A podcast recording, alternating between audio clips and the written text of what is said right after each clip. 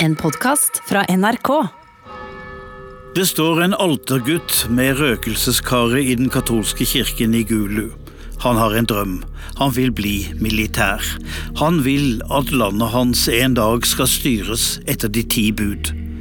15 år seinere bygger han en hær av bortførte smågutter og skaffer seg flere dusin småjenter som koner.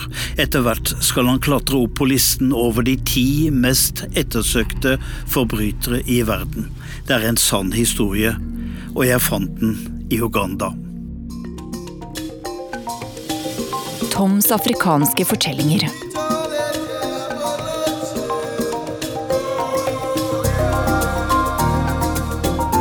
Jeg heter Tom Christiansen og har reist rundt i verden hele mitt voksne liv. Som korrespondent for NRK bodde jeg i Afrika, og i avkrokene kom jeg over historier jeg nesten ikke kunne tro. Det var til å le og gråte over, særlig den jeg skal fortelle nå.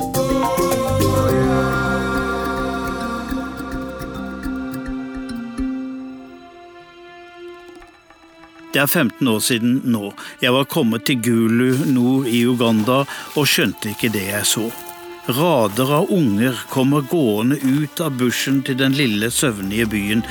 De går fort, noen barbeinte, og de er stille. De best stilte bærer en skolesekk, de andre har en plastpose.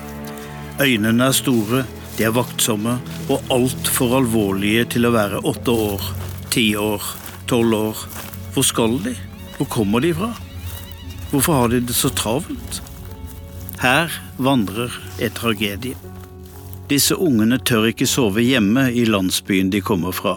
De er ikke mørkeredde, de er ikke utrygge for folk de kjenner, men de vet hvem som lusker i skogen, og de vet at 26 000 barn allerede er bortført, ja, noen av dem gikk de på skolen med. Jeg tar følge med guttene. De eldre passer på de yngre, men de har ikke noe å si. Ungene er kontrollerte, konsentrerte, og når de kommer fram, får de ikke mat, bare et trygt sted med væpnede vakter. De skal sove på et gulv i Gulu. De har gått i én til to timer og skal gå hjem igjen i morgen tidlig, så de må tidlig opp. De skal på skolen. Dette skjedde hver kveld. Deres barndom var ikke full av lek. De gikk på skolen, og de gikk til Gulu, det var alt de fikk tid til. Og alltid denne frykten for å bli tatt, angsten for menn som i mørket kommer ut av skogen og tar dem med seg, gutter og jenter. Jeg ser innover i sovesalen, de tynne guttekroppene. De tuller seg inn i et teppe og legger seg på det harde gulvet. Det blir ingen godnattsang her, de trenger ikke å roes ned, men uroen som kommer innenfra, den kan ingen av oss se. Alt jeg kan om unger stanger her i halvmørket. Hva er en trygg barndom? Her ligger de uten mamma eller pappa, de er slitne etter en lang marsj Ute i den beksvarte og fryktelige natta leter Herrens motstandshær etter flere barn. Denne lille, fanatiske hæren av barn som klarte å sette hele Nord-Uganda på ende. To millioner mennesker rømte hjemmefra, hele regionen ble destabilisert. Regjeringen klarte ikke å stanse noen hundre vanvittige geriljasoldater Ingen dyrket jorda lenger, og folk bodde i interne flyktningleirer. De fikk maisgrøt på blikkfat fra FNs matvareprogram midt i det som kunne være landets kornkammer. Jeg må fortelle hvordan det begynte. Hvordan ei gæren kjerring kunne sette et helt land på ende, og siden destabilisere hele Sentral-Afrika. Det begynte med tante Alice. De kalte henne Heksa fra nord. Hun var en urtehelbreder, altså en folkemedisiner, altså en heksedoktor.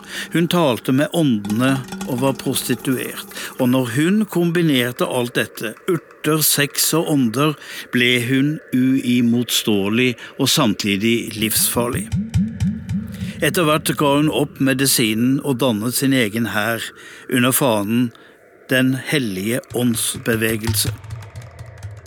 I Nord-Uganda var alle acholier, og de hadde alltid blitt satt til side i samfunnet. Den nye hæren skulle hevne denne uretten, og hun utkjempet kamper mot regjeringshæren. Soldatene hennes fikk vite at den oljen hun smurte dem inn med, ville motstå kuler. Men det gjorde den ikke, så både soldater og folk langs veiene mistet etter hvert troen på denne prostituerte generalen.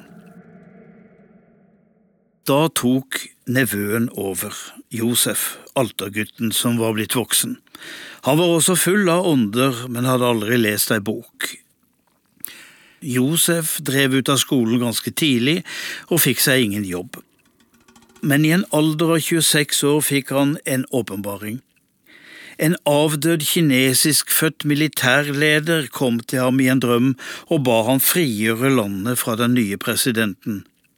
Acholiene skulle få sin rett, men acholi-folket vendte seg mot ham på grunn av hans strenge krav. Så han begynte å bortføre barn. De ble tatt om natten, sendt bort og gjort til soldater. Jentene ble tjenestepiker og etter hvert sexslaver for kommandantene. Noen av dem klarte å smugle et budskap til far og mor, og hadde ikke gode nyheter. Jeg skal ha barn, er beskjeden fra en 13-åring til sine foreldre. Men hvem er Joseph Coney i krig med egentlig? Mesteparten av maktutøvelsen går med på å bortføre barn og bygge hæren. De angriper ingen andre enn landsbyer som de plyndrer for mat og barn. Eller de slåss mot regjeringshæren når den dukker opp. Eller de ryker uklar når de går over grensa til Sør-Sudan eller Kongo. På denne tida, på 90-tallet, var jeg i en landsby i Sør-Sudan en søndag morgen. Gudstjenesten var begynt, og vi satt på tykke trestammer som var lagt på tvers. Kirken hadde strå til tak, men ingen vegger. Det var like greit i 35 varmegrader. En mild bris kjølnet oss. Presten hadde talt om fellesskap. Slik druene er krystet og blitt til vin, slik skal også vi bli ett. Slik korn er stampet og stekt til brød, slik skal vi komme sammen. Nattvær, altså. Folkets hverdagsdramatikk blir evangelium. Så er det forbønn, og en familie reiser seg. Faren har hvit skjorte med slitt krage. Han forteller hvem vi skal be for, sønnen hans. Han ble tatt for to netter siden. Herrens motstandshær hadde kommet og tatt alt de kom over, blant annet sønnen og tre kamerater. Og ja, vi ber. Kvinnene gråter, mennene sukker, ungene tørker tårer, og her kommer denne hærens herjinger helt innpå. Det er ikke en kamp i en fjern bush, det er en krig midt oppe i kirkebønnen. Hva er det Joseph vil, Joseph Coney, leder for Herrens motstandshær? Han sier det er de ti bud som skal være Ugandas grunnlov, men han har da brutt flere av dem allerede. Du skal ikke drepe, men nå både dreper og lemlester han. Du skal ikke drive hor, men han har 60 koner. Du skal ikke stjele, men han røver barn. I'm a military position who is fighting uh, in Uganda. I'm a freedom fighter who is fighting for freedom in Uganda. Mm. But I'm not a terrorist. Men Josef Kony har mer enn ti bud. Han har sine syner og drømmer. Han snakker med forfedrene, med tante Alice og kanskje med sine drepte kommandanter. Han får innfall om hvordan de skal rykke fram, hvor de skal flytte troppene, hva de skal tro på. Han feirer jul og påske som en annen kristen, og faster gjennom hele ramadan. We want the people of Uganda to be free. Han skal rense Nord-Uganda. Rense dem slik Herren i Det gamle testamentet, da israelittene vendte seg til fremmede guder i Gosen og Egypt, slik at choliene vendte seg til president Museveni, rense landet, og de reneste skal han lage selv.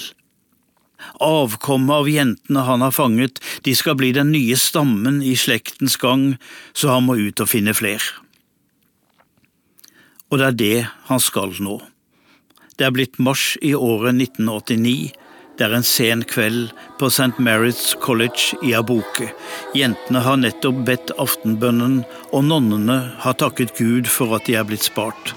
Men det skal bare vare noen timer til, for midt på natten kommer en styrke fra Herrens motstandshær og banker på døra. På vinduet. Banker overalt.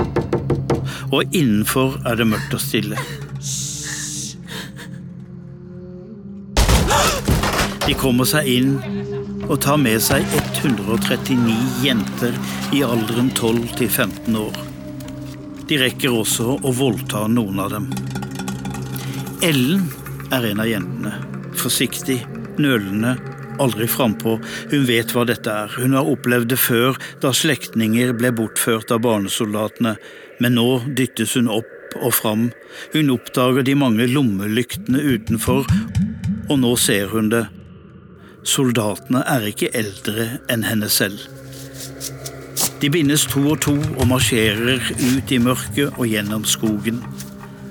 Neste morgen er de ute av syne, og ingen vet hvor de er blitt av. Dette er Joseph Coneys store skup.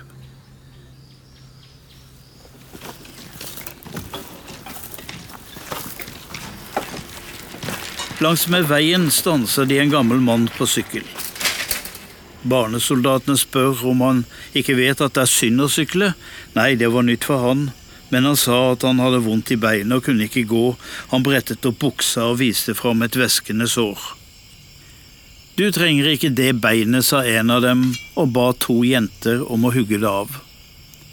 Så oppdaget kommandanten at en av jentene manglet, hun hadde gjemt seg og ble trukket fram, lagt på bakken, og Ellen fikk beskjed pisk henne. Flere jenter må bruke kjeppen, men får selv bank når de ikke slår hardt nok. Slik ble Ellen en morder. Hun og de andre slo og slo venninnen til hun døde, og de begravde henne ikke. Jentene blir omgruppert og marsjerer videre. Kjolene er allerede blitt fillete. Da kommer en gruppe soldater ut av bushen, og Ellen stivner. Hun måper. Der står hennes halvbror i uniform med et maskingevær i hendene. Han gjenkjenner henne, men begge to skjønner de må ikke røpe at de kjenner hverandre, da blir de skutt begge. Så de later som ingenting, mens de burde storme fram ungdommene og omfavne hverandre. Hele natten ligger Ellen og tenker på broren. Så er det nye strekk og nye dager, lite mat og dårlig vann. De passerer området med fare for å bli sett, men kommer seg videre.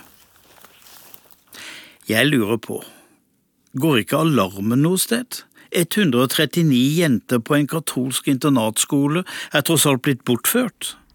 Herren reagerer, det kommer et helikopter på søk, men jentene står under trærne. Men ingen brigade legger ut. Noen av jentene blir nå marsjert like til Josef Kornits leir. Ellen gjør som hun blir bedt om. Her er en merkelig ro. Mange kvinner er i arbeid. Klesvask, barnepass, det ryker fra kokekar. Damene står i grupper og betrakter nykommerne.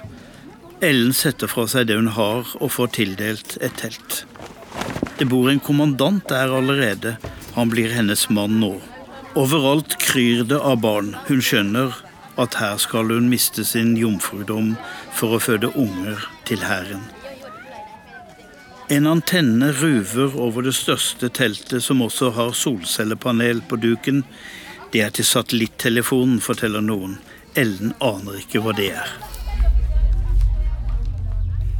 De kalles til kveldsbønn i solnedgangen, og da kommer Joseph Coney liten og tynn med flakkende blikk. Han går aldri alene. Livvaktene danner en halvsirkel, og Ellen kjenner på frykt og forakt. Så puslete og så fæl. I'm not guilty. I'm not guilty. Uh, I'm not guilty. La oss be. De dynker en sirkel med vann fra ei jerrykanne.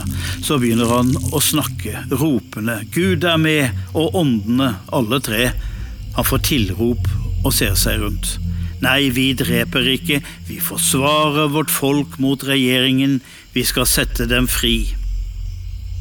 Ett av barna er fem år. Han er sønn av Coney, kledd i en barneuniform og utnevnt til korporal. Den hellige ånd har talt, roper Coney, og så beordres barna til et angrep mot en styrke som leter etter dem den neste dag. Er dette resten av livet? Eller kan man rømme? Alle drives av frykt, for når noen har rømt, er resten blitt hardt straffet. Ellen klarer det likevel. Hun var ute og sanket bær, og så falt hun i et hull. En gutt dukket opp, og så stakk de, rømte av gårde og gikk i dekning, ingen kom etter. Hva de ikke visste, var hevnen. Kaunis menn ville ta seg til landsbyen om natten og drepe de rømtes brødre og søstre, lemleste mor og kappe ballene av far.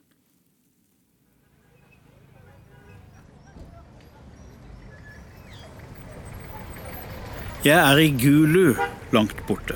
Der er dagene langsomme, men det skjer da noe. Særlig i hagen ved det lille hotellet Acholi Inn, for ingen er riktig sikre på hvem som er gjester. Er de Coneys menn? Skumle forretningsfolk? Høytstående eksperter fra FL? En forsiktig mann beveger seg diskré under akasjetrærne ved uteplassen. Det er Sam en av Coneys menn. Han har bodd her i ett år, og alle vet hvem han er. Han rømte. Hotellets sjef er i militær uniform. Det er fordi han samtidig er hærens etterretningssjef her i nord. Og den han skal overvåke, er blant annet hotellgjest på andre året, Sam fra Joseph Coneys hær. Han belaster hotellet med svære telefonregninger, han har så mange koner å ringe til. Men her er flere å merke seg. En tykk, stor mann i rutete skjorte kommer vandrende bakoverlent for å balansere ølvomma. Han ser det er en ny mann og kommer til mitt bord. Spanderer du? Hva skal du ha? Jeg bestiller selv, sier han. Hvem han er? Walter, sier han. Ordfører i Gulu. Han holder på med valgkampen. Kelneren tar imot bestillingen, et halvt kjøkkenglass med whisky og pils til å fylle opp, takk. Jeg må betale fire slike melkeglass, og så forteller han om valgkampen han er midt inne i. Hans valgløfte nummer én er å drepe Coney. Nå samler han også inn penger, for det vil koste noen skilling. Sam tar meg med over til den gamle skolen. Bygningene er omgjort til senter for Konis rømte folk. Mange av dem er barn, de spiller fotball og ler, så er det time, men få av dem snakker. For disse ungene her, 14, 15, 16, var inntil året i forveien Konis drapsmenn. De vet ikke hvor mange de har skutt, men de kom seg unna, og her sitter de over tegnesakene. De er ødelagte, språkløse barn uten liv i øynene, og jeg ser hva de tegner. Maskingeværer, pistoler, drap, macheter som deler mennesker, blod og kuler. Alt er destruksjon. I en annen bygning sitter 30 kvinner ved symaskinene. Dette er sexslavene. Noen av dem var også soldater. De er fra 15 til 40. En ser skamfert ut. Hun fikk leppene skåret av, nesa og til og med ørene er borte. En av dem, Ellen, som jeg til nå bare har hørt om. Hun som ble tatt til fange på jenteskolen av KB, og som havnet hos Coney. Flukten har lykkes, nå skal hun, mentalt, lappes sammen. Og så begynner kvinnene å fortelle.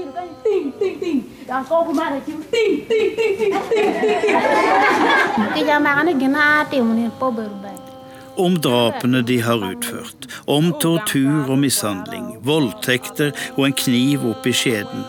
Jeg kjenner det velter seg i magen. Like bakenfor ligger nok et hus av galskap. De kaller det VIP-avdelingen. Der bor de av Joseph Coneys koner som har rømt, dem og deres barn. De er bevoktet og beskyttet, de blir debrifet og trøstes, og hele ungeskokken har samme far, Joseph Coney.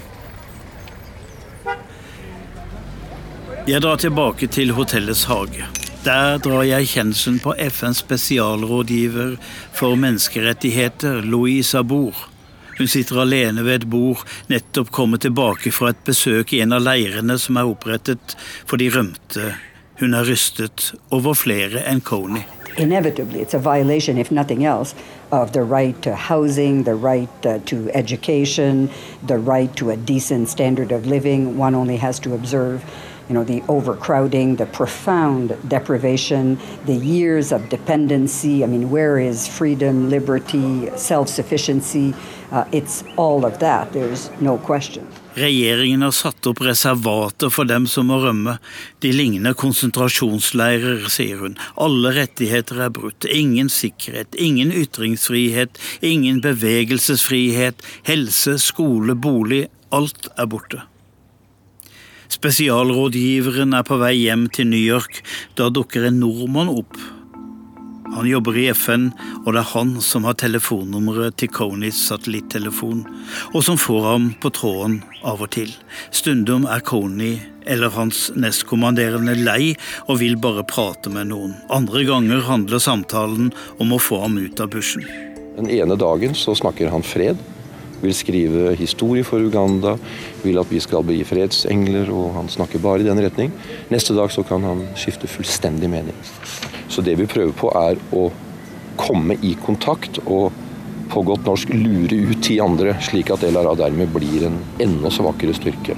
Lars Erik Skonsar er en veteran. Han har berget liv i det tidligere Jugoslavia, i Sierra Leone og Midtøsten, og nå skal denne FNs topptjenestemann løse flokene med en militsleder som tar ordre fra Gud, åndene og sitt eget indre.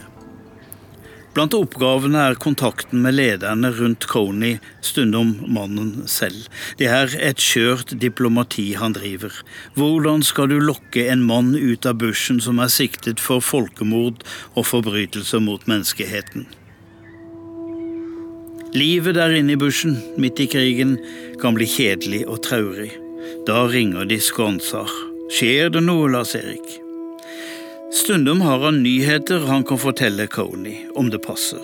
For nylig var en av hans koner kommet til Gulu, og hun hadde et nyfødt barn i armene hun hadde født i bushen.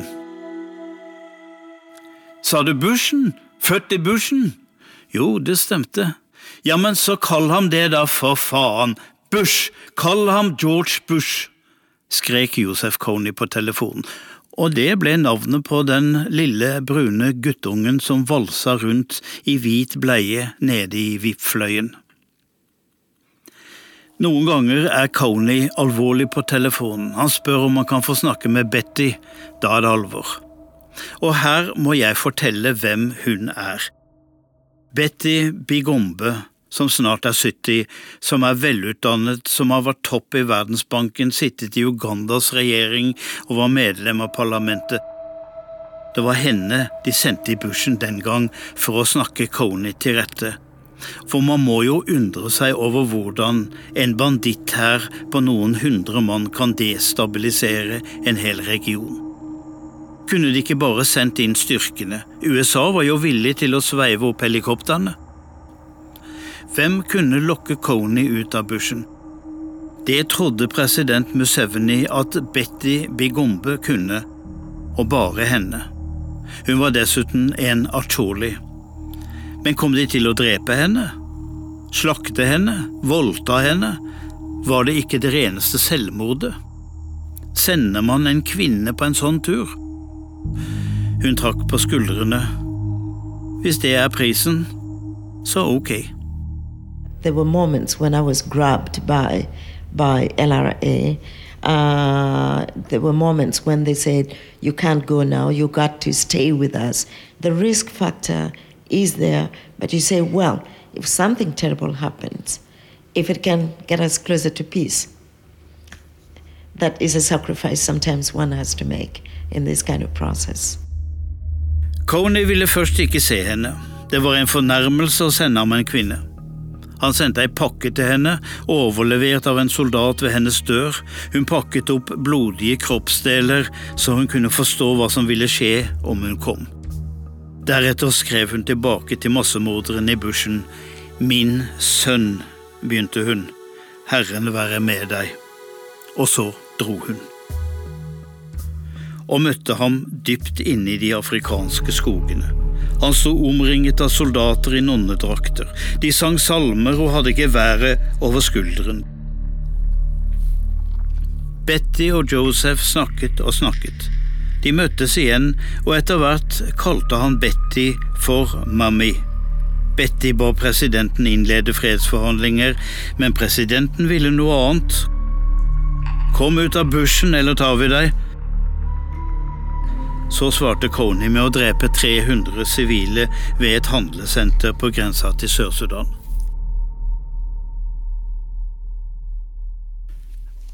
Årene er gått, og så ville Coney snakke med Betty igjen. Men hun er ikke for hånden lenger. Imens har Den internasjonale straffedomstolen utstedt en arrestordre på Coney, tiltalt for forbrytelser mot menneskeheten som drap, slaveri og voldtekt, plyndring og bruk av barnesoldater. Dessuten krigsforbrytelser, en styrke på 5000 soldater fra Den afrikanske union jaktet på ham fra 2008, men de får ham ikke. Utenfor Gulu er landeveien full av rødt støv. Det ligger et enormt gudshus ikke langt fra byen, med tårn som rager over palmene. Det er en katedral der ute i bushen, og i det store huset ved siden av regjerer én mann, erkebiskopen, men han er ikke alene. Han har flere sikkerhetsvakter enn munker i bakgården. Jean Baptiste Odama har begravd altfor mange ofre for volden. Vi sitter i et kjemperom og har bare selskap av noen av Jesu små søstre. Det er navnet på nonneordenen, og nå serverer de oss kaffe. Erkebiskopen har snakket med presidenten og Joseph Coney. Han har fortalt ham om Guds vilje. Slutt fred, vend det andre kinnet til, forson deg med menneskene. Han har brukt hele sin religiøse autoritet. Og så dette siste. That, that the government should put down the arms. The LRA put down the arms. Then uh, Kony and his friends would be free. Det er nemlig en gammel ugandisk tradisjon at et menneske frivillig kan påta seg den straff andre er tildelt. Så biskop Odama har sagt at hvis Kony vil komme ut av bushen og bli stilt for en domstol, så skal han påta seg straffen. Da kan Coney bli en fri mann. Det er vanskelig å tro den milde mannen, men jeg hører hva han sier. And you're gonna be rotting in a prison. I wouldn't mind, as long as my people are free. Så går det enda noen år. Det har vært delegasjoner i bushen og møtt ham. Betty har vært inn og ut. FN sender sin visegeneralsekretær Jan Egeland, men Coney kommer ikke ut. Sør-Sudan sender sin visepresident Riek Mashar. Han har med seg masse penger, men Kony blir. Så er vi kommet til 2006 og jeg har i mellomtiden havna i Juba i Sør-Sudan. I en periode var jeg rådgiver for presidenten. Det er da en nyhet kommer, om at Herrens motstandshær er villig til å innlede fredsforhandlinger, og delegatene skal møtes i Juba, her hvor jeg bor. Jeg dro ned til møteplassen, et slitent hotell.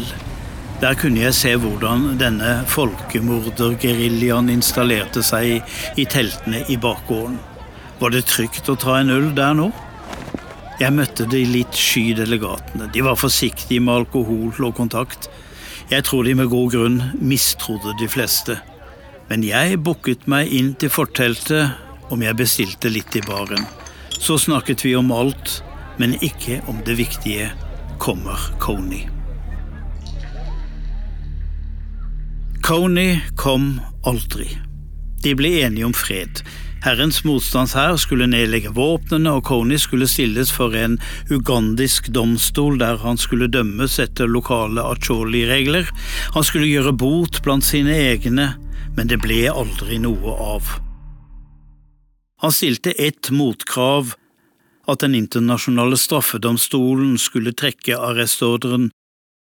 Det skjedde ikke, så han ble i bushen, og der er han fortsatt.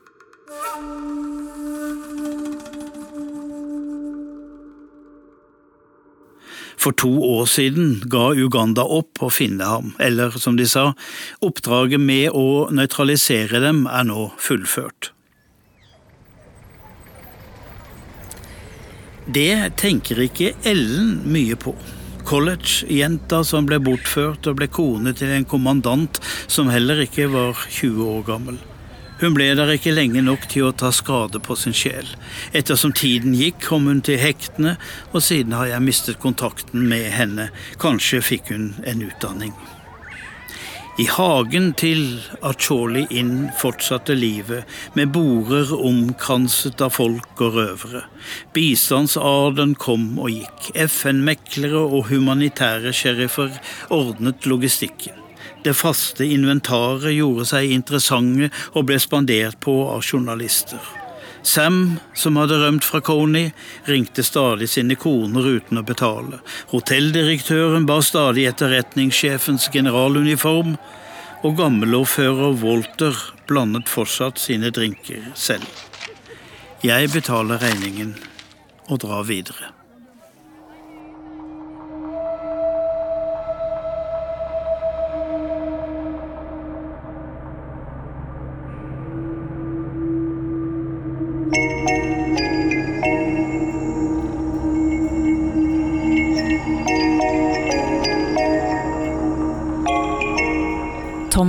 Afrikanske fortellinger.